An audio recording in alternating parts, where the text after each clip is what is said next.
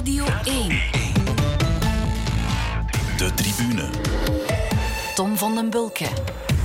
Een heel goede avond. Het is een uh, druk sportweekend geweest en dan weet je dat je bij de tribune aan het goede adres bent om daarover na te kaarten. En zoals elke week doen we dat met twee gasten. Welkom Wouter van den Houten, koersorganisator en natuurlijk ook grote baas van uh, Flanders Classics. En goedenavond ook Hans van de Wegen, sportjournalist bij De Morgen. Goedenavond. Goedenavond. Heren, we hebben het tussen nu en acht uur over de sportactualiteit. Dat uh, spreekt voor zich. En ook jullie hebben gekozen voor een moment van de week. Laat ons daarmee beginnen. Wouter, dat van jou komt uit het voetbal. Dan terug maar naar dat uh, volle huis in Mechelen. Al uh, zien heel veel mensen daar in geel-rood getooid. Met ledenogen aan dat iemand uh, aan een aftocht begint, Peter van den Bent. Schoofs heeft de rode kaart gekregen na tussenkomst van de VAR Wesley Alen. En er is iets voor te zeggen, want uh, hij duwde de bal een beetje ver voor zich uit. En dan de voet over de bal op de enkel van Diatta. Voilà, ik was uh, eerlijk gezegd, Wouter, een beetje verrast dat je hiervoor koos. Voor de rode kaart dus van Rob Schoofs van uh, KV Mechelen in die match van afgelopen zaterdag tegen Club Brugge. Waarom dit? En dat was mijn moment, omdat uh, ik was zaterdag op de wedstrijd samen mm-hmm. met Mark Uitroeven. Mijn uh, compaan van lang vervlogen tijden. Ja. En, en, zoals u wellicht weet is hij daar kind aan huis in Mechelen. En na de match waren wij daar in de catacomben. En daar botsten wij op uh, ene Rob Schoofs. En dat was uh, één hoopje uh, doffe sportellende. Um, ja, die man was daar helemaal kapot van. Uh, ik denk dat hij zichzelf schuldig achtte uh, aan de nederlaag. Uh, ik weet niet of 11 tegen 11 of dat heel veel verschil had gemaakt. Maar in elk geval, uh, na die rode kaart was er van een wedstrijd geen sprake meer. En, en die jongen voelde zich gewoon rot. Ja, keirot. Keek je daarvan op dan? Dacht je dat voetballers daar sneller overstappen over zoiets? Of? Nee, ik vond, ik vond het eigenlijk wel, wel mooi ook. ik, ik denk, ja, het, het, begon al dom. Hij, hij werd niet gecoacht door zijn ploegmaats. hij nam een bal aan, te traag, met twee spelers van Club Brugge bij zich. Hij probeerde dan die ene speler de bal af te, afhandig te maken. Dat lukte niet. Draaide zich naar die andere en, en daar gebeurde het. Je zag het echt... Uh, ja, het was dom op dom op dom. En ja, het is in het moment en zo'n speler in het vuur van de wedstrijd. En, en vroeger was daar geen VAR dan was het gewoon geel geweest. En nu was daar een VAR en je voelt ook gewoon het hele stadion. Op het moment dat die, dat die scheidsrechter uh, naar de kant gaat, dan weet je, ja, hij had geel getrokken en dan weet je, ja, het wordt rood. En dan zag je die man uh, het terrein afsloffen en ja, die was daar helemaal uh, van onder de voet. En dat is ook mooi, want dat is ook sport. En, en die jongen was daar echt helemaal van onder de voet. Ja. En nam mij wel voor hem in, want ik heb zijn carrière uh, gevolgd. Hij heeft heel sterk gespeeld bij Sint-Truiden, uh, is dan niet kunnen doorbreken bij A-agent en nu is hij toch uh, bij Mechelen een van de sterkhouders, was goed bezig, de club was ook goed bezig en, en ze hadden natuurlijk gehoopt op een, op een stunt tegen Club Brugge en, en het ging helemaal fout en hij voelde zich daar verantwoordelijk voor. Ja, wat zei je dan? Ja, hij was daar. Uh, ik, hij, hij, was vooral uh, aan het praten met Mark en, en ik was daar toehoorder. En ik ja. liet. Uh, Mark was zo'n beetje de oude wijze man bij de jongere speler. En, en ik heb het gewoon het, het ta tafereel gaten geslagen. Ja. We kennen jou natuurlijk vooral van Flanders Classics en de koers. Maar je maakt ook deel uit van een, van een bedrijf dat aan spelers begeleiding doet in het voetbal dan. Ik zou je misschien bijna een makelaar noemen, maar het is meer dan dat, hè? Wij begeleiden spelers uh, ja. uh, sinds, sinds 15 maanden eigenlijk. Uh, ben daar eigenlijk heel toevallig mee begonnen, omdat ik was eigenlijk aangesproken door Peter Smeets. Spelersbegeleiding die ik al vele jaren ken. Die was in de tijd op Anderlecht, heeft daar dat Purple Talent Project opgezet. En toen heb ik die leren kennen, want we hebben in de tijd met Woestijnvis de school van Lukaku gemaakt. Peter die begeleidde toen de jonge uh, Romelu Lukaku, heeft dan uh, verder zijn stappen gezet in het voetbal. En twee jaar geleden uh, kwam hij eigenlijk vrij toevallig naar mij, omdat hij dat eigenlijk, hij was eigenlijk die hele wereld en, en de praktijken in die wereld toch een beetje boe, uh, beu was daarop uitgekeken en, en wou het op zijn manier doen. En toen kwam hij aan mij vragen uh, of ik geen zin had om dat met hem te doen. Maar dat was toen ja. net in volle overnameperiode van Anderlecht. En, en toen zei ik tegen Peter van Peter, uh, bedankt voor het compliment dat je aan mij denkt, maar ik ga dat niet doen, want wij, gaan, wij gaan Anderlecht kopen. En de eerste die op mijn lijstje staat om terug naar Anderlecht te komen, dat ben jij. Ja. En toen zei hij lachend van ja, je moet mij één ding beloven als Anderlecht niet doorgaat, dan gaan wij samen een bedrijf beginnen. En ja, het zal wel het lot zijn, zeker, het ja. toeval. En, maar er is dan wel een half jaar nog uh, tussen gegaan en, uh, en dan zijn we in mei vorig jaar begonnen. Ja. Je hebt uh, bekende spelers ook in je portefeuille, mag ik dat zo zeggen? ja, we hebben uh, bekendste speler is Juri Tielemans, die nu bij Leicester speelt en bij de nationale ploeg. We hebben ook Benito Raman, we hebben Vadiso Gija. Nog een aantal jongere spelers die toch al op Belgisch niveau goed bezig zijn, zoals Wout Vaas bij Oostende, zoals Louis Verstraeten bij Agent. En dan een heleboel echt jonge spelers uh, die nog hun eerste stappen aan het zetten zijn. Die dromen van een carrière en, en, en die proberen wij goed te begeleiden. Ja. En het is meer dan, dan ze enkel begeleiden bij contractonderhandelingen, transfers? Uh, ik hoop dat uh, een voetbalcarrière meer is dan contractonderhandelingen en transfers. Oké, okay. goed. Fijn, denk ik, dat je naast het wielrennen ook nog in het voetbal kunt actief zijn, toch? Maar ik ben sportfreak. Ja? Ik ben uh, met, met sport denk ik in de wieg geboren. En sport is eigenlijk altijd mijn eerste liefde geweest. meer nog dan media. Ja. ook al hou ik enorm van de media. Maar sport is eigenlijk altijd mijn eerste liefde geweest. En dan is het leuk om later in mijn professionele carrière helemaal te kunnen terugkeren naar, naar de sport. Alhoewel ik de media uh, niet ga loslaten, vandaar dat ik op jullie uitnodiging ben ingegaan. Maar sport heeft toch nog een klein streepje voor op media. Ja, dan zit je hier op de goede plek, inderdaad, in de tribune. Hans, uh, over naar jouw moment. Daarvoor moeten we terug naar gisteren, naar het WK wielrennen. Oei, oei, wat gebeurt er hier? Wat gebeurt er hier? Is dit alweer een omwenteling waar we ons niet op voorbereid hebben? Wat gebeurt er hier? Mathieu van der Poel, voelde je je te goed? Ik heb het daar net gezegd. Gedacht. Ik heb het daar net gezegd. Hier is de muur. Bots. Ja. Consternatie alom. Het moment van de week en de inzinking van het jaar, Hans, denk ik toch? Ja, ja. en ik, ik zal eerlijk zijn, ik had het zien aankomen. Ik heb het ja. voorspeld thuis. Ik zag hem nogal voluntaristisch op kop rijden. Ook lang en snel. En ik dacht van oei, en ik weet hoe Mathieu van der Poel eruit ziet als hij goed op kop rijdt. Namelijk met een hele strakke rechte rug, onderrug, mooi. Uh, maar nu zat hij toch al krom gebogen over het stuur. Een beetje toch te harken, vond ik. En ik denk van ja, als dit maar goed afloopt. Mhm. En dan vervolgens zag ik hem zijn, um, zijn vestje uitdoen. Maar hij kreeg het niet helemaal uit. Het bleef wapperen. En Michel Wuit zei toen ook iets van de parachute. Uh, raak er maar vanaf. Mm en, ik, en dan, dan zag ik ineens zijn gezicht. En ik dacht eerst, het is kramp. Maar blijkbaar, uh, ik denk dat hij uh, ja, te weinig voeding binnen had. Ja, het was uh, zoeken naar een verklaring. Dit was wat hij zelf zei. Het licht ging ineens uit en ik heb niet het gevoel dat van, van de honger was. Ik heb goed gegeten de hele dag en het, uh, het, was gewoon op. Ja, niet van de honger, zei hij. Het is zeker van de honger. Ja? Uh, hij mag zeggen wat hij wil. Uh, mm -hmm. Dit is puur gewoon koolhydraten op. je moet naar vetverbranding. alles zal veel trager gaan. dat gaat, bij sommigen komt dat heel snel, bij anderen gaat dat trager. Wat is zijn probleem volgens mij? Is dat hij niet gewend is om verschrikkelijk veel te eten wat nodig is om zo'n wedstrijd te doorstaan. En ik bedoel, wat bedoel ik met zo'n wedstrijd? Niet die 265 kilometer, want hij heeft dat in de Gold Race gedaan, heeft hij gewonnen. Hij had ook de Ronde van Vlaanderen kunnen winnen, dat is ook 265, ook zwaar. Maar niet zo zwaar als gisteren was, waarbij je dus de, de regen moet trotseren waarbij je misschien 100 kilocalorieën meer per uur verbruikt dan anders. Mhm. En dat is dus het probleem. Als je niet genoeg eet op voorhand, je geen buffer opslaat of een voorraad opslaat.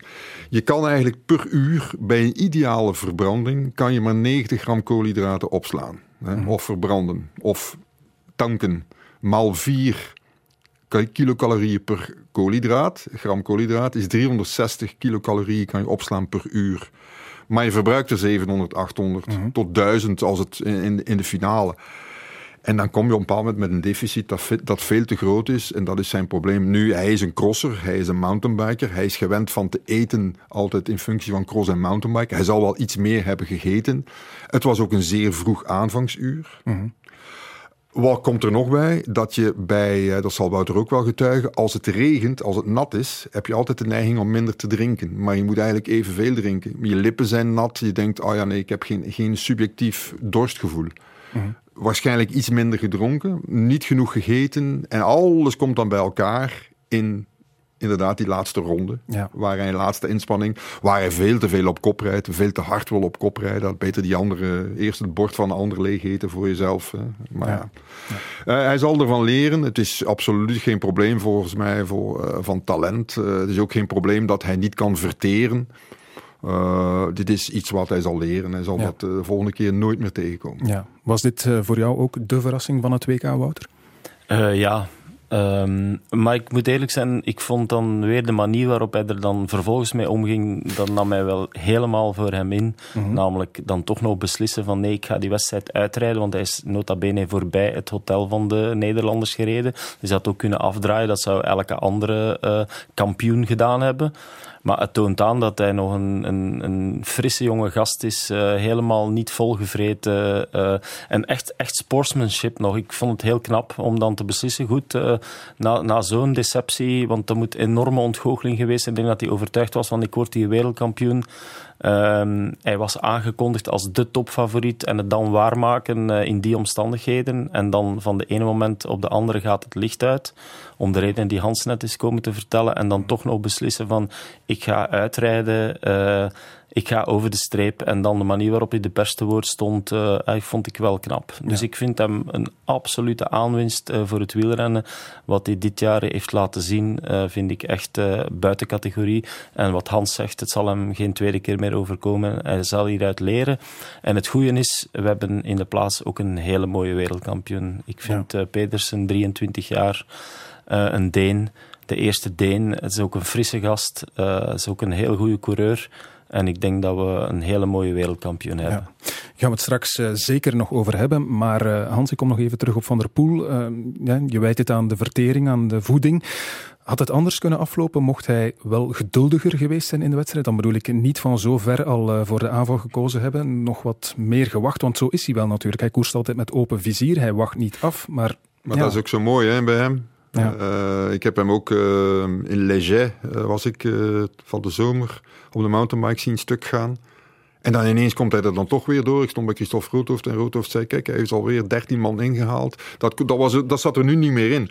Ja, Van der Poel is iemand die, ze noemen dat met de, de, de, de krachten woekeren, maar ik denk dat hij iemand is van de nieuwe generatie die gewoon zegt van, ja, ik rij en niet kijken waar het schip strandt. Maar ehm, ik ga mij inzetten. Slepers zitten daar eigenlijk niet meer tussen bij die jonge gasten. Met een is ook geen sleper. Die gaat ook uh, vol rijden als hij denkt ik kan winnen. Uh, ik denk uh, dat we een hele, hele mooie toekomst hebben eigenlijk. Dat er een paar hele jonge, goede gasten ook in het grotere rondewerk zijn opgestaan. Egan Bernal, die toch voor spektakel zorgen.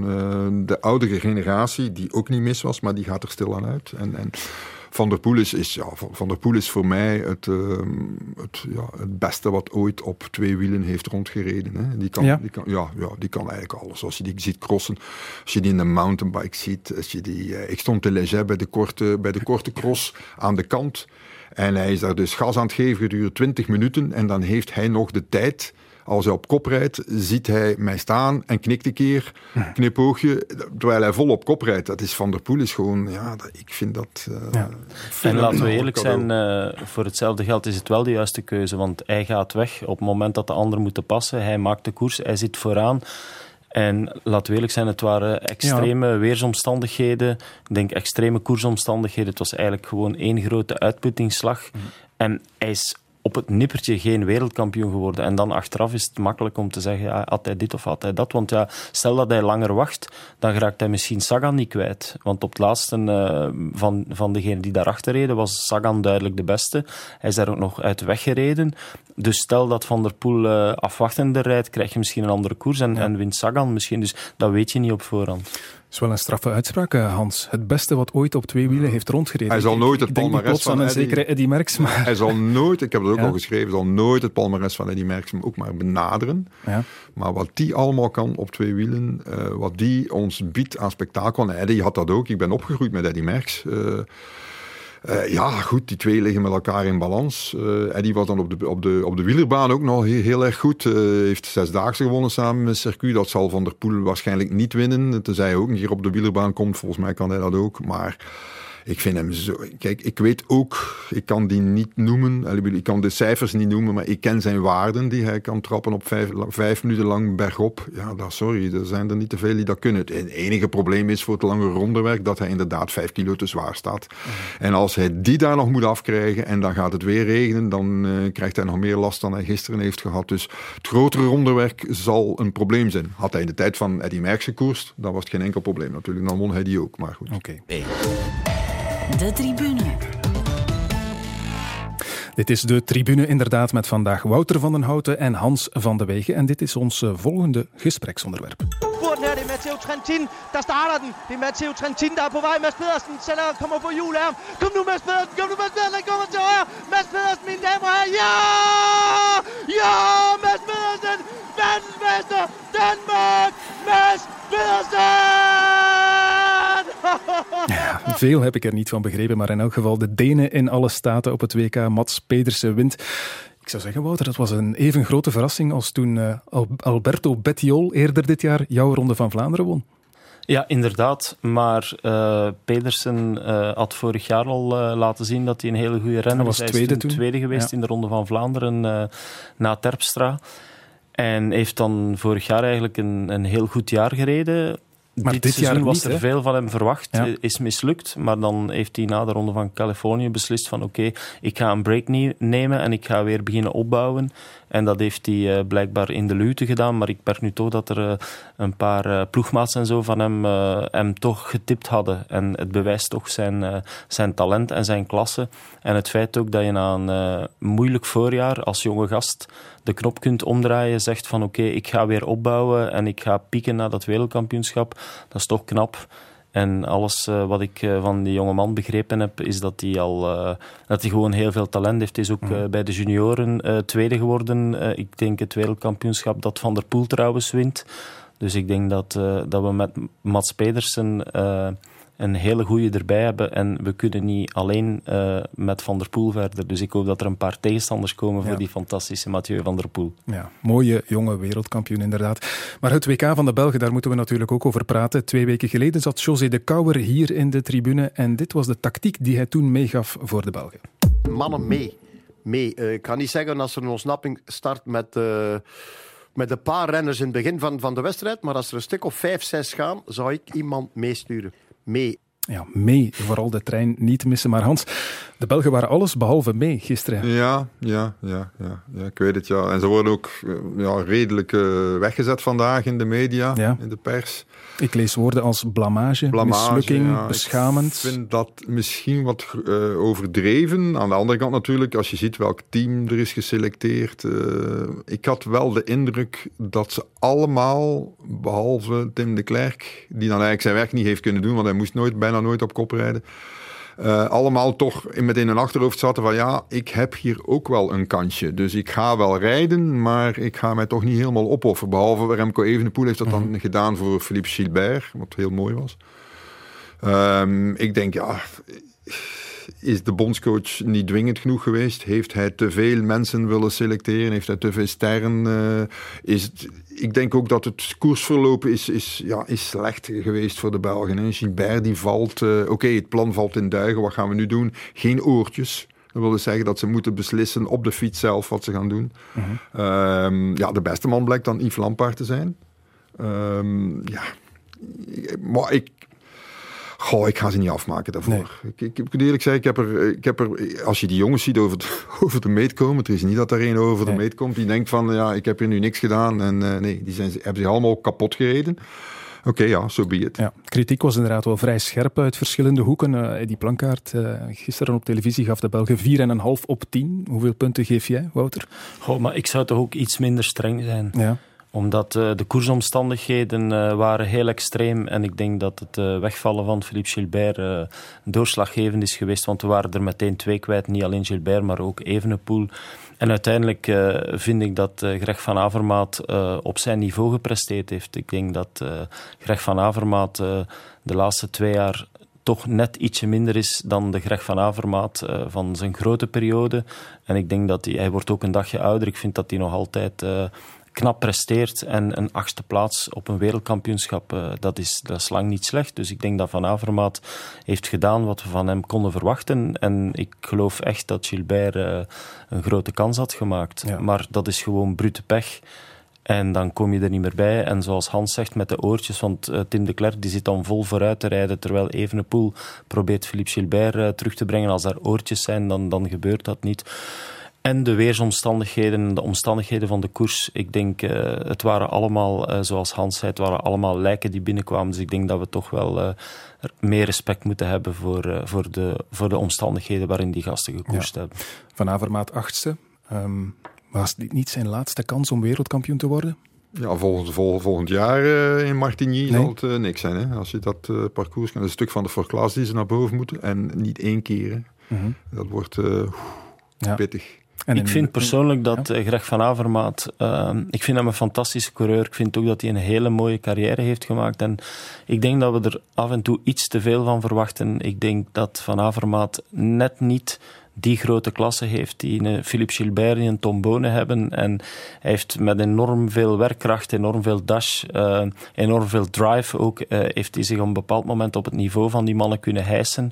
Maar dat niveau heeft hij maar een vrij beperkte periode kunnen uh, aanhouden. En nu, hij is ondertussen 34. Ik, uh, ik vind het ook niet zo erg dat Van Avermaat uh, geen wereldkampioen zal worden. Ik denk dat hij toch een van onze betere coureurs van de voorbije twintig jaar is geweest. En knap, zoals hij altijd heeft gestreden. En ik vind dat we soms te veel van Van Avermaat verwachten. Ja. De andere kopman, Philippe Gilbert, we gaan het nooit weten natuurlijk, Hans, maar ja, gisteren ging het ook over vetpercentages. Zijn de mannen die, die misschien net een tikkeltje meer wegen in die omstandigheden in het voordeel. En ik vond Gilbert zo scherp, zo ja, mager. Maar ik, ja? ja die vetpercentages, dat is allemaal goed en wel. Hè. Ik denk niet dat dat een rol heeft gespeeld. Ik denk als je geluk hebt dat je een beetje droog kan blijven op een of andere manier, juist de juiste kledij aan hebt, uh, in, in, in, een goed wiel zitten gedurende um, tientallen kilometers, goed ergens aankomen, mentaal fris in zijn. Maar je ziet dat Gilbert bij een, een, een, een, zware val, ik weet niet wat hij er nu heeft van overgehouden, maar bij een redelijk zware val ineens uh, ja, tegen Evenepoel zegt het gaat niet meer. Dat is ook mentaal, dat is ook vermoeidheid die, die meespeelt. Ja. Dat is honger hebben waarschijnlijk ook. Die de nattigheid. Ook. Ja. ja, dat, is, dat is nieuw. Hè. Bij Gilbert ja. hebben we nog nooit gezien. Dus ik denk eerlijk gezegd dat hij ook aan het eind van zijn Latijn was. Uh, waarom val je anders? Hè? Eerst uh, heeft men het op Langeveld proberen steken. Hè? De Nederlander die de Belg in de prak rijdt, maar blijkbaar was het omgekeerd. Dus uh, ja, goed. Misschien was Gilbert ook op. Uh, ik had wel, ik moet eerlijk zeggen, ik had iets vroeger iets verwacht van Evenepoel. Een soort kam kamikaze gedoe, waarbij dan een aantal zouden meegereden zijn. En Evenepoel zou gezegd hebben, zoals op het BK, van mij zien ze niet meer terug. En waarbij dan die andere landen zouden moeten achter Evenepoel hebben aangereden. Maar dat is er niet van gekomen. Het parcours is ook gewijzigd. Ja. Dus die lange klim zat er, waar hij eventueel had kunnen vertrekken, zat er niet meer in. Ik denk dat de Belgen gewoon ook op, ja, op alle fronten pech hebben gehad, ja. eerlijk gezegd. Ja, maar die tranen van Gilbert ja. waren ook oprecht, want hij besefte van ja, dit is mijn allerlaatste kans en ze is voorbij. Mm -hmm. Maar ik vind het op zich uh, sterk dat iemand op 37 jaar gewoon kandidaat wereldkampioen is. En hij was het. Hij heeft het ook laten zien in de Ronde van Spanje. Hij was er helemaal klaar voor. En ik denk dat uh, bij Evenepoel het toch voor een stuk heeft meegespeeld dat hij zich vooral heeft geconcentreerd op die tijdrit. Mm -hmm. Daar was zijn mentale focus. En ja, zowel Van Avermaat als Gilbert hebben het kopmanschap geclaimd. En ik denk dat het Evenepoel ook mentaal goed uitkwam van oké, okay, ik ben voluit kunnen gaan voor mijn tijdrit. Heeft hij uiteindelijk knap gedaan. En ik ga mij in dienst zetten van die twee mannen, nu het nog één keer kan. Dus vanaf volgend jaar is het dan Evenepoel. En ik denk dat hij er volgend jaar uh, in Zwitserland dicht gaat bij zijn. Een ja. parcours dat hem ook meer ligt. Ja. Dus uh, alles op Remco Evenepoel volgend jaar. Het is wat Hans zei, we hadden misschien inderdaad eerder een aanval uh, verwacht van Evenepoel gisteren. Dat was ook het plan, aanvallen. Dit was wat Oliver Naasten daar gisteren achteraf over zei. In de finale, ja. We keken naar elkaar uh, en we vroegen, ja, wat, wat moeten we doen? Moeten we beginnen aanvallen of of gewoon volgen. Het was redelijk rap duidelijk dat gewoon volgen al ruim, ruim voldoende zou zijn. Ja, ik dat gewoon allemaal vrij afgezien hebben van, van die kou. Ja, het was dus eh, echt van niet kunnen blijkbaar. Misschien hoeven we het niet verder te zoeken dan dit. Waren ze gewoon fysiek niet goed genoeg en kan de ene nu eenmaal beter omgaan met die omstandigheden dan de andere? Ik denk dat dat inderdaad het, probleem is. Een beetje geluk hebben om daar fysiek goed aan te komen aan die plaatselijke ronden. Dan een, een opsteker krijgen van die kan hier goed mee. Mentaal is dat dan ook voor een groot stuk, denk ik. Ja, en als dan het licht uitgaat uh, bij de een en, en, en dan, ja, dat vind ik wel raar. En wat Oliver Naasten daar zegt van, ja, we, ja. we keken naar elkaar, wat moeten we nu doen? Ja, er zijn daar toch wel je hebt toch een vrouw van Avermaat, die kan gewoon zeggen van uh, gasten, dit gaan we doen. Oké, okay, hergroeperen, dit gaan we doen. Hè. Het is niet omdat er twee wegvallen, dat daarom ineens alles in duigen moet vallen. Hè. Er staan ook mensen langs de kant, die kunnen ook wel iets roepen. Ze hadden toch een soort systeem, dacht ik, waarbij van alles zou gecoacht worden. Ja, goed als dat dan allemaal. Ik denk toch, mhm. onze renners zijn toch gewend van te koersen. Dit, moet, dit, dit is koers. Hè? Ik bedoel, eigen beslissingen nemen. Ja. Ja, dan moeten ze daar toch iets meer mee doen. Maar zoals ik al zei, de, de omstandigheden zijn zo extreem dat we eigenlijk niet kunnen weten wat die gasten hebben gevoeld. Nee. En als Oliver Naasten zegt, ja, ik was al, het was al genoeg met volgen, dan moet je hem daarin, uh, ja, moet, moet je hem niet afvallen, denk ik. Nee. Nog één ding over de Belgen en het WK. Kan de bondscoach Rick Verbrugge iets verweten worden of niet? Wel, zijn bijnaam is Rikske dus uh, onder de renners. Dus wat dat betreft is natuurlijk... Uh, ja, maar goed, uh, ik heb de bondsvoorzitter gezien uh, en die was heel erg te spreken over Rick Verbrugge. Vond hij een goede keuze. Ik vind Rick Verbrugge geen supergoede keuze, maar ja goed, het is een, een politieke keuze uiteraard. Hij moet ook een keer een Franstalige bondscoach zijn. Um, die dan nog goed Nederlands spreekt. Spreekt goed Nederlands, ja. ja, ja. En die getrouwd is met de, de zus van de kopman. Dus uh, dat speelt ook een rol, denk ik. Maar ik denk misschien iets dwingender zijn. Zeggen van, kijk, dit is het scenario. Gebeurt het niet, dan doen we dit, dan doen we dit, dan doen we dit. En jullie rijden allemaal zo. Misschien dat dat uh, een betere oplossing was geweest. Maar wie zal het zeggen? De tribune. Bij mij in de studio nog altijd Hans van de Wegen en Wouter van den Houten. En we zijn nog niet uitgepraat over dat WK wielrennen. Het is te zeggen wel over de race van gisteren, maar in de dagen daarvoor was er ook al heel wat gebeurd. En vooral de internationale wielerunie UCI maakte andermaal geen beste beurt. Het meest omstreden moment had te maken met deze jongeman.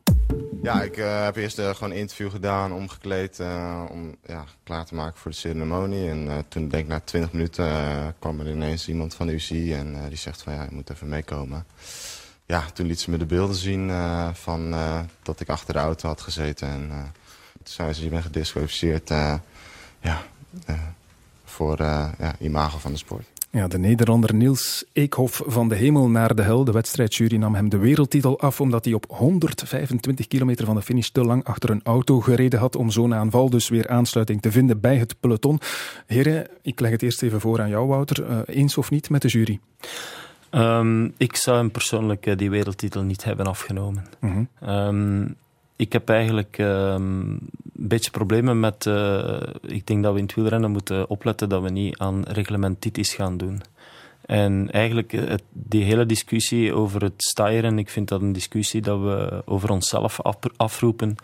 Omdat, um, kijk, wielrennen, uh, daar rijden auto's achter en als renners uh, achter een auto stijren, dan is dat meestal niet uh, omdat ze vrolijk vooraan uh, zitten, maar dan is het meestal omdat ze gevallen zijn, een lekke band hebben gehad, materiaalpech hebben gehad. En dan vind ik in, in de geest van de sport dat daar auto's achter rijden en dat ze dan van auto naar auto rijden en dat als het peloton dan net tegen 70 per uur aan het vlammen is, dat ze dan even achter die auto blijven hangen. Ik vind dat we daar dat we daar veel milder zouden moeten in zijn. Bovendien, uh, het levert ook mooie beelden op, zoals ik vond eigenlijk die, uh, die terugkeer van die jonge man, uh, van onze Nederlandse vriend Niels Eekhoff, vond het ook gewoon mooi in beeld gebracht. Het, het maakt het extra spannend.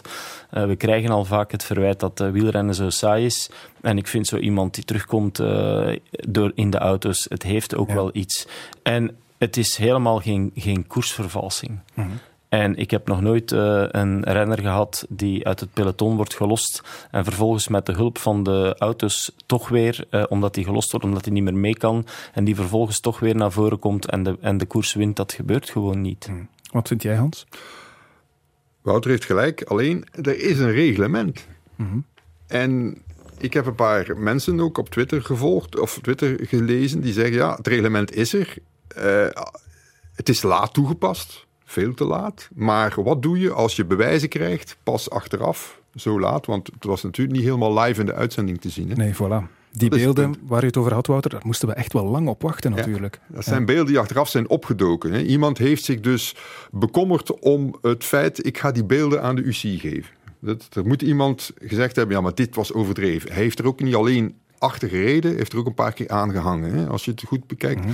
Los daarvan vind ik, Larry Warbas, die nog in het peloton heeft gereden, heeft een, een, eh, een statement gemaakt, heeft gezegd van, en eigenlijk is het een heel interessant statement, zegt van, dit reglement is fout. Ja. Het reglement zou moeten zijn, als je mechanische pech hebt of door een val, mag je achter een auto terugkeren in het peloton. Want zoals Wouter zegt, en dat klopt, er is niemand die gelost wordt omwille van fysieke problemen, die achter een auto zal terugkeren en dan ongestraft in het peloton weer aansluiten en winnen. Die jongen had nog zoveel over dat hij eigenlijk terug in dat peloton thuis hoorde. Alleen het reglement is daar. En dat reglementitis, dat kan wel zijn, maar dan moet het reglement worden aangepast. Maar ik, ik vind dat de laatste jaren in het wielrennen, er komen allemaal reglementen bij en, en wij roepen het over onszelf af. Wij beginnen elke keer zelf nieuwe discussies. Bijvoorbeeld uh, het rijden op de stoep eerlijk gezegd, uh, en hier, hier vooral in Vlaanderen, ik vind het eigenlijk leuk als renners uh, van op de kasseien uh, op, de stoep, op de stoep wippen en er dan weer afwippen vlak voor een bocht. het, het, het, draagt, het draagt bij tot het spektakel.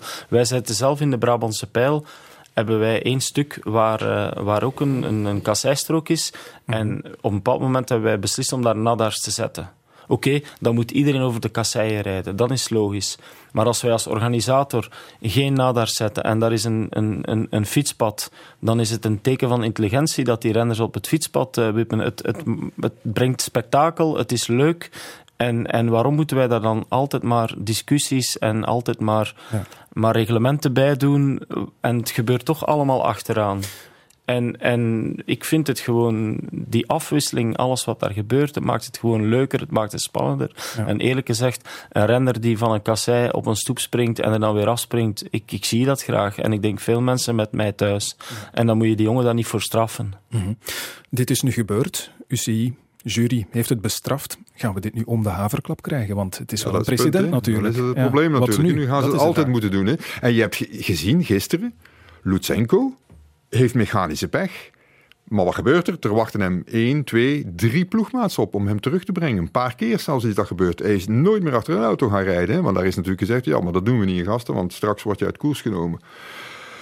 Dat hadden de Nederlanders natuurlijk ook gekund. Hè. Ze hadden een paar mensen kunnen laten afzakken en Niels Eekhoff terugbrengen in een treintje eh, naar, naar, naar voren. Ze hebben er niet voor gekozen. Dus het, is, het ligt voor een stuk ook bij hen. Maar ik begrijp ook, Wouter, als je zegt die reglementitis van het wielrennen. Anderzijds, Wouter, moet je ook zeggen, uh, het wielrennen is steeds gevaarlijker geworden. Uh, daar mag ook wel een keer... He, er zijn wel mensen ook al half doodgereden door renners uh, op een voetpad of, of op een vluchtheuvel. En die doen dat ook niet opzettelijk, die renners. Ik weet dat wel. Maar we moeten op een bepaald moment toch wel een aantal regels hebben, denk ik. Maar daar ben ik het volledig mee eens, Hans. Maar ik denk dat uh, veiligheidsmaatregelen uh, en reglementen, dat zijn voor mij twee verschillende dingen. En, en ik ben de eerste om, om, om die discussie over die veiligheid, want dat vind ik een heel belangrijke discussie. Maar ik denk dat we de veiligheid in het wielrennen uh, niet per se uh, um, vergroten door allerlei reglementen in te voeren die dan uiteindelijk toch maar tot willekeur leiden. Het gootje op de Paterberg is ook weg, hè? Ik bedoel, door hè? Ja, het klopt, maar goed, maar dan moeten organisatoren... Dan ik vind dat leuk. Iemand die, nog, iemand die nog de jus heeft om dat gootje naar boven te rijden, de laatste ronde, die dat kan. Want het is, het is een smal gootje. Ja, dat is, dat is van, fantastisch. Ik vind het jammer dat dat gootje weg is, maar toch is het gootje ook bij jullie weg. Maar hetzelfde, uh, hetzelfde is uh, op de Taaienberg. Uh, ja. Ik ga eerlijk zijn, Hans, als ik, ja, je rijdt ook met de fiets, ik rij ook met de fiets. Ik ben zo blij dat daar een gootje ligt op de Taaienberg. ik, en ik ben, blij, ook, ik ben blij dat ik via het gootje erop geraak. Maar goed, ja, ja. het zou ons te ver leiden. Ja. UCI lag hiervoor uh, heel zwaar onder vuur voor dit moment, voor die beslissing van de jury. Maar er was eigenlijk nog veel meer aan de hand tijdens dit WK. Ik som maar even op als ik mag. De gemengde ploegentijdrit Dat oh, was een, mensen, een regelrechte flop. Um, de tijdrit bij de belofte, gereden in iets wat, wat mij betreft meer op een zwemvijver leek. Wegrit bij de belofte werd ingekort omdat ze plots door hadden dat het donker zou zijn. Um, Ja, ik ga zo maar verder. De Colombiaanse junior stond huilend langs de kant met een lekker Ja, die jongen zat bij mij op vliegtuig. Ja, ja is het waar? Ja, die zat bij mij op vliegtuig. Die is pas dinsdag gearriveerd, din, Was, dinsdagavond. Ja. Uh, compleet van de kaart, omdat hij uh, geen assistentie kreeg. En ook nog een mooie, vind ik, de intussen befaamde sokkenmeter. Ik zou zeggen, kies er zelf maar iets uit uit al deze, uit al deze dingen, want het, het ja, is wel wat geweest natuurlijk. Ja, die sokkenmeter eerst en vooral vind ik onzin. Uh, er zijn wel opmerkingen van professoren, onder andere van Bert Blokken, die zegt ja, het heeft, heeft een voordeel wel. Laat dan het voordeel. Hè. En laat ze dan eventueel met lange broeken rijden. Maakt mij niet uit. Uh, technologie moet je niet tegenhouden. Dat is net hetzelfde als die discussie met de schijfrem destijds. Wat betreft het weer, daar kan de UCI niks aan doen. Je, zou, dan mag je niet meer in Engeland gaan koersen. Ja. Mm -hmm. Wat was het eerste daar dat je zei? Van... Gemengde ploegentijd. Ja, de gemengde, daar wil ik een keer iets over zeggen. Want dat is natuurlijk ook niet de schuld van de UCI. Maar die wil natuurlijk zoveel mogelijk medailles uitdelen op een, op een uh, Olympische Spelen. En die mannen van het IOC en die vrouwen ook, die zijn zo gek van die gemengde uh, events. Hè. Er komen er nu negen bij in Tokio gemengd badminton, wat weet ik allemaal, gemengd schieten, gemengd uh, judo in zelfs. Ze gaan die vrouwen tegen mannen judo, maar dat wordt dan opgeteld. Ik heb het gemengd vier, de 4 keer 4 gezien, atletiek dan in Doha. Mhm. Het is gewoon belachelijk dat, er, uh, dat Japan in de tweede een man inzet tegen vrouwen, want die loopt die vrouwen gewoon overhoop. Loopt twee keer zo snel, bij wijze van spreken. Die, het is een, bijna een vernedering van die vrouwen.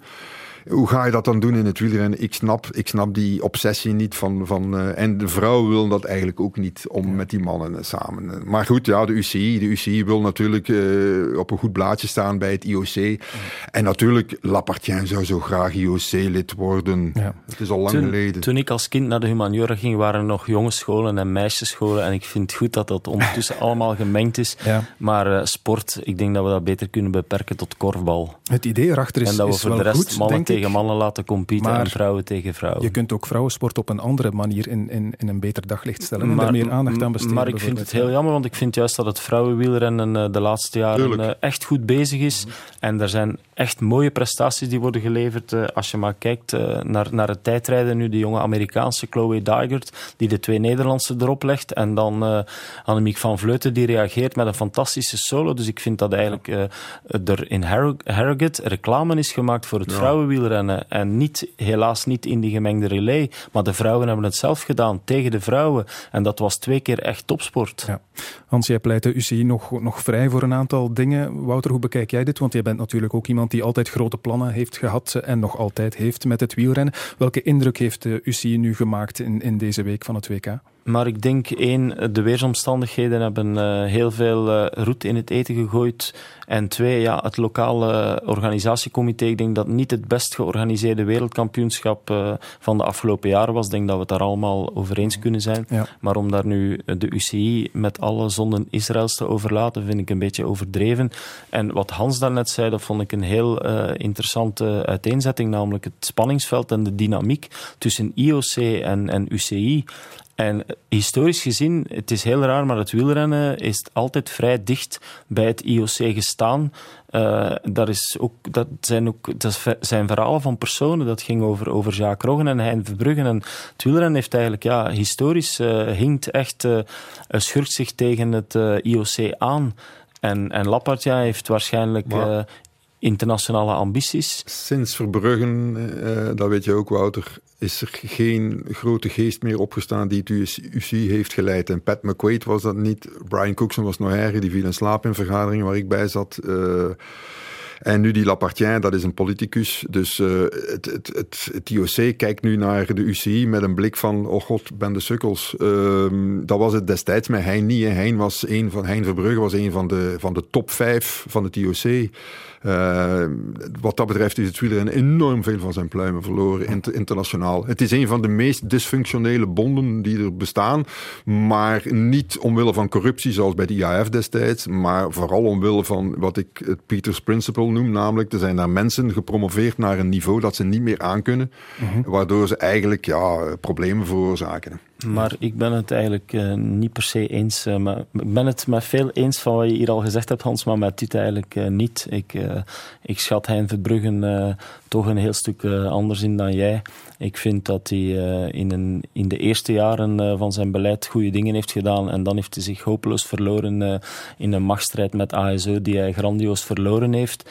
En, en de mensen na hem die zijn, die zijn puin aan het ruimen. En wat dat betreft hoor ik wat je zegt over, over de twee voorbije uh, mensen. Uh, McQuaid ben ik het volledig mee eens. En Cookson uh, was een heel lieve man.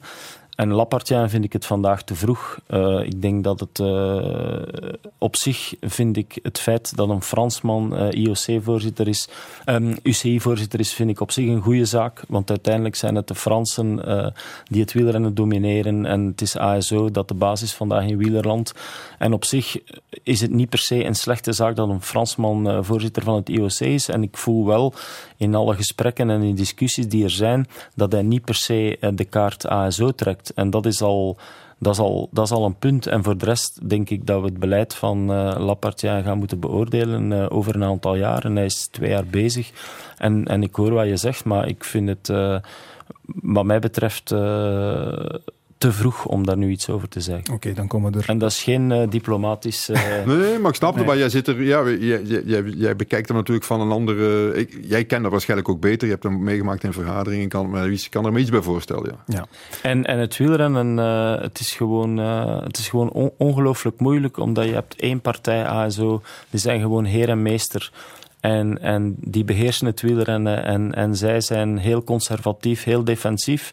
En zij, zij gaan voor verdelen en heers. Want wat uh, Hans daarnet zei over die technologie, dat vind ik echt super belangrijk. Als, als, als, als zouden ze kousen tot, uh, tot tegen hun oksels kunnen trekken. Als dat een voordeel zou kunnen opleveren, waarom niet? Ja. Maar het zijn eigenlijk de, het zijn de Fransen, het is ASO dat, uh, dat die technologie allemaal probeert tegen te houden. Het zijn de Fransen die, die denken dat zonder oortjes dat je dan spannender wedstrijden gaat krijgen. En ik vind het heel moeilijk. Ik, ik zou vandaag eerlijk gezegd niet zo graag in de schoenen van uh, Lapartien staan, want ga er maar aan staan. Ja, we maken de balans voor hem uh, over een paar jaar op, zou ik zeggen. We geven hem nog wat tijd. We kunnen er nog lang over doorgaan ook, maar ik wil graag nog tijd maken voor iets anders. De tribune. We waren het eigenlijk niet van plan om het opnieuw over Anderlecht te hebben, maar kijk, ja, ze maken het ons toch zo moeilijk om er niet over te spreken. Dit was gisteren. Het is ook van mij geleden dat Anderlecht nog eens tegen een andere ploeg dan Standaard heeft gewonnen in de Super Pro League. 18 wedstrijden, en twee daarvan gewonnen, twee keer tegen Standaard. Dus een uitgelezen kans om ook een keer een andere ploeg dan Standaard te kloppen in een eh, competitiewedstrijd. Maar voorlopig zit dat er niet in. Einde nu, inderdaad. Voilà, dat is uh, hoe het publiek erop reageert.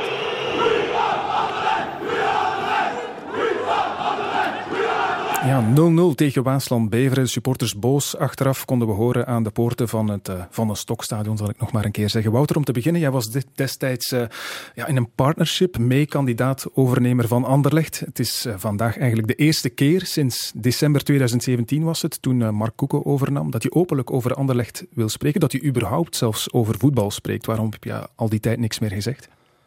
Oh, eerlijk gezegd, omdat ik er weinig behoefte aan had. En ik weet nog goed, die beslissing uh, viel op uh, woensdagochtend. En ik denk dat uh, ik was uh, evenzeer als iedereen verbaasd dat, uh, dat plots in de laatste rechte lijn ook Mark Koeken kandidaat bleek. En mm. die won het dan ook. Maar ik weet nog goed, vrijdagavond was er Anderlecht Eupen. En toen heb ik vrijdagochtend tegen mijn vrouw gezegd van kom, we gaan naar het voetbal. En ik ga op tribune zitten en ik ga gewoon naar de match kijken en proberen van de match genieten zoals ik altijd gedaan heb. En dan heb ik daar mijn knop omgedraaid. En ik heb er ook nog geen seconde spijt van. En ik ben dan een aantal maanden later uh, samen met Peter uh, en Bob Klaas met dat nieuwe bedrijf begonnen. En toen vond ik van ja, laat, laat ik nu maar eerst wat stappen zetten. Uh, laat mij maar rustig aan doen. En we zullen dan wel zien. Mm. En dan heb ik alle interviews geweigerd. En als je maar lang genoeg weigert, vraagt niemand het nog. En nu zit ik hier. Voilà. En nu vraag ik jou, hoe kijk je nu naar Anderlecht? masterplan achter. Nee? Hoe kijk je nu naar Anderlecht? Ja, ik was, uh, ik was op de match gisteren en ja, het is gewoon niet leuk. Omdat je wil graag uh, goed voetbal zien. En het is al een tijd dat er uh, weinig mooi voetbal te zien is op Anderlecht. En dat is jammer. En in het begin van het seizoen, tijdens de eerste wedstrijden, zag je nog wel de bedoelingen en zag je wel het systeem compagnie en was er een bepaald enthousiasme. En dat is nu helemaal weg. En dat is gewoon jammer Omdat Anderlecht hoort daar niet te staan op de dertiende of de veertiende plaats. Anderlecht moet, moet meestrijden met, met Club Brugge en met Standaard en met Genk en Gent voor titels. En dat is gewoon niet leuk voor niemand. Maar het gaat niet meer goed komen dit seizoen. Hè? Play-off 1, definitief een kruis erover. Ja, 38 of 43 punten halen. Hè. Of minimaal 44 moet je halen de laatste jaren. Of 49 punten om zesde te worden. Dus dat wil mhm. zeggen 38 of 43 punten halen in 21 wedstrijden. Dat zijn ritmes van kampioenenploegen. Mhm. En, nu ineens een kampioenenploeg worden, dat lijkt mij... Uh, ja, ze zouden vanaf nu moeten, moeten draaien aan tegen twee punten gemiddeld uh, per wedstrijd. Per wedstrijd. Dus dat betekent dat je één winnen, één gelijk, één winnen, één gelijk. En dat 21 wedstrijden lang. Dus dat wordt wel uh, mm. heel moeilijk. Wat nieuw is uh, sinds gisteren, het geduld van de supporters is blijkbaar op. Hoe moet je die mensen nu weer achter de ploeg, achter de club krijgen, vraag ik me af. Die zijn, die zijn wanhopig, maar die zullen blijven, blijven komen natuurlijk. Hè. Het is natuurlijk zo dat eh, Vincent waarschijnlijk, Vincent Compagnie, eh, nog een week of drie, vier niet zal kunnen spelen. Hopelijk dan weer in orde is. Hij is toch een, voor een groot deel uh, de man die het aanstuurt op het veld. Met hem erbij was het iets beter, het spel. Het was iets directer. Uh, die andere jongens achterin ik moet eerlijk zeggen, ja, als Anderlecht supporter moet dit gewoon verschrikkelijk zijn. Hè. Het is niet het eerste jaar dat fout gaat. Hè. Vorig jaar is het ook al fout gegaan. Dan heeft Koeken in zijn uh, chaotische bui die hij immer heeft uh, Hein van Aasbroek eruit gegooid. Als er nu één trainer was die ook aanvallend wilde voetballen met jonge gasten, dan was het wel Hein van Aasbroek natuurlijk. Hè. Die had wel met compagnie iets kunnen doen samen. Alleen misschien wilde de compagnie dat dan niet. Uh, weet ik veel hoe lang ze er al mee bezig waren. Ja, er zijn alleen maar slechte beslissingen genomen. Plus de wet van Murphy. Ze hebben ook ja, redelijk wat tegenslag gehad natuurlijk. Ja. Wouter, je was er gisteren bij op die match uh, Anderlecht tegen Waasland-Bever. Je bent dus zaterdag ook naar eh, KV Mechelen Club Brugge geweest. Het verschil is wel immens hè, tussen een club en Anderlecht op dit moment. Ja, op dit moment is, is, is dramatisch uh, voor Anderlecht. Ik denk, als je de match zaterdag van Club Brugge hebt gezien en dan de match gisteren van Anderlecht, op dit moment is er geen enkele speler van Anderlecht uh, die mag meespelen bij Club Brugge. Mhm. Club Brugge was gewoon een, een, een machine. Uh, op, elke, op elke plek uh, staat daar iemand die gewoon beter is op die plek dan, dan de speler van Anderlecht. En ja, je voelt gewoon, dat is een machine die zijn jaren gerodeerd, maar we mogen toch niet vergeten, uh, Club Brugge heeft ook uh, een moeilijke periode gekend en die zijn beginnen bouwen. Die hebben op een bepaald moment gezegd, ja oké, we zijn niet meer het Club Brugge uh, dat we waren en die zijn beginnen bouwen. En wat je nu ziet, is eigenlijk het resultaat van het werk van twee, drie, vier, vijf jaar geleden. En, en ze zitten natuurlijk nu in de winning mood en, en er is een goede flow. En, maar ze hebben daar jaren aan gewerkt. En ik denk dat Anderlecht uh, hetzelfde moet doen. Gewoon weer uh, mouwen opstropen, beginnen werken. En, en met een consequente visie. En dan geduld hebben. En, en ja, als je nu elke, elke week weer, uh, ze zijn ook volledig opgejaagd wild door de pers. Het was ook te voorspellen, op het moment dat Company kwam, heeft de pers meteen Company helemaal in de hoogte geschreven. Ik vond dat eigenlijk een beetje vreemd, want ik heb heel veel respect voor Company, maar en een beginnend trainer zijn en spelertrainer zijn en ook geblesseerd, want dat wisten we dat hij zich ging kwetsen. Dus we moeten revalideren. Mhm. En ook nog dromen van de nationale ploeg. Uh, het EK, dat is wel heel veel uh, voor één man. Mm en, en, en de eerste weken uh, is die helemaal de lucht ingeschreven. En, ja, en nu is het aan het afbrokkelen. Jij had en, het niet gedaan, het verhaal Compagnie? Maar daar, daar kan ik mij echt niet over uitspreken, ja. omdat ik, ik, ik, ik ben niet in de club. ik heb een andere keuze gemaakt. En ik, eigenlijk moet je daar dag na dag in zitten. Ik, ik, ik weet niet wat de beweegredenen geweest zijn. Ik was daar niet bij bij de gesprekken. Uh, dus ik weet niet hoe dat tot stand is gekomen. Ik weet ook niet wat de afspraken zijn. Maar ik denk dat, dat er één ding uh, moet gebeuren. Dat ze nu moeten rustig verder werken zelf. En hun eigen keuzes maken en zich zeker niet laten opjagen door de pers. Want nu is het gewoon dag aan dag. Uh, Mark de Grijze die, uh, die roept dan van ja, Compagnie stopt zich weg. We horen Compagnie niet. En dan zie ik woensdagavond na Beerschot Anderlecht, dan geeft plots Vincent Compagnie een interview. Maar, en we zijn op dit punt aanbeland dat dus de pers is gewoon aan het zeggen wat Anderlecht moet doen. En ja. ik denk dat de mensen bij Anderlecht zelf moeten beslissen wat ze doen en, en in hun project blijven geloven en ervoor gaan. En uh, dit is gewoon de slechtst mogelijke momentopname en het kan alleen maar beter gaan. Oké, geduld is dus uh, de boodschap of de tip en het gratis advies van Wouter van den Houten. We moeten stilaan afronden. Momenten waar jullie nog naar uitkijken deze week. Morgen natuurlijk, Hans, Real Madrid, Club Brugge. Wat denk je? Unieke kans voor Club? Het zal moeilijk zijn, denk ik. Ik denk dat Real thuis moeilijk te kloppen is. Waar ik nog naar uitkijk is naar de lege tribunes in, in Doha. In het atletiek, dat wordt natuurlijk, ja, dat is gewoon een dramatisch wat daar aan het gebeuren is. Daar is veel te weinig aandacht voor, dat is gewoon een schande. Oké. Wouter, jij? 1-1 uh, morgenavond. Oké, kijk, dat is dan toch positief optimistisch. Ik dank jullie hartelijk eh, voor jullie komst. We zijn ermee klaar voor vandaag met de tribune. Vandaag 30 september 2019 trouwens. Dat is zowaar ook de internationale podcastdag. En dat treft, want alle afleveringen van de tribune kun je ook herbeluisteren via podcast. We brengen dat in orde. Alle info daarover op sportza.be. Blijf bij Radio 1.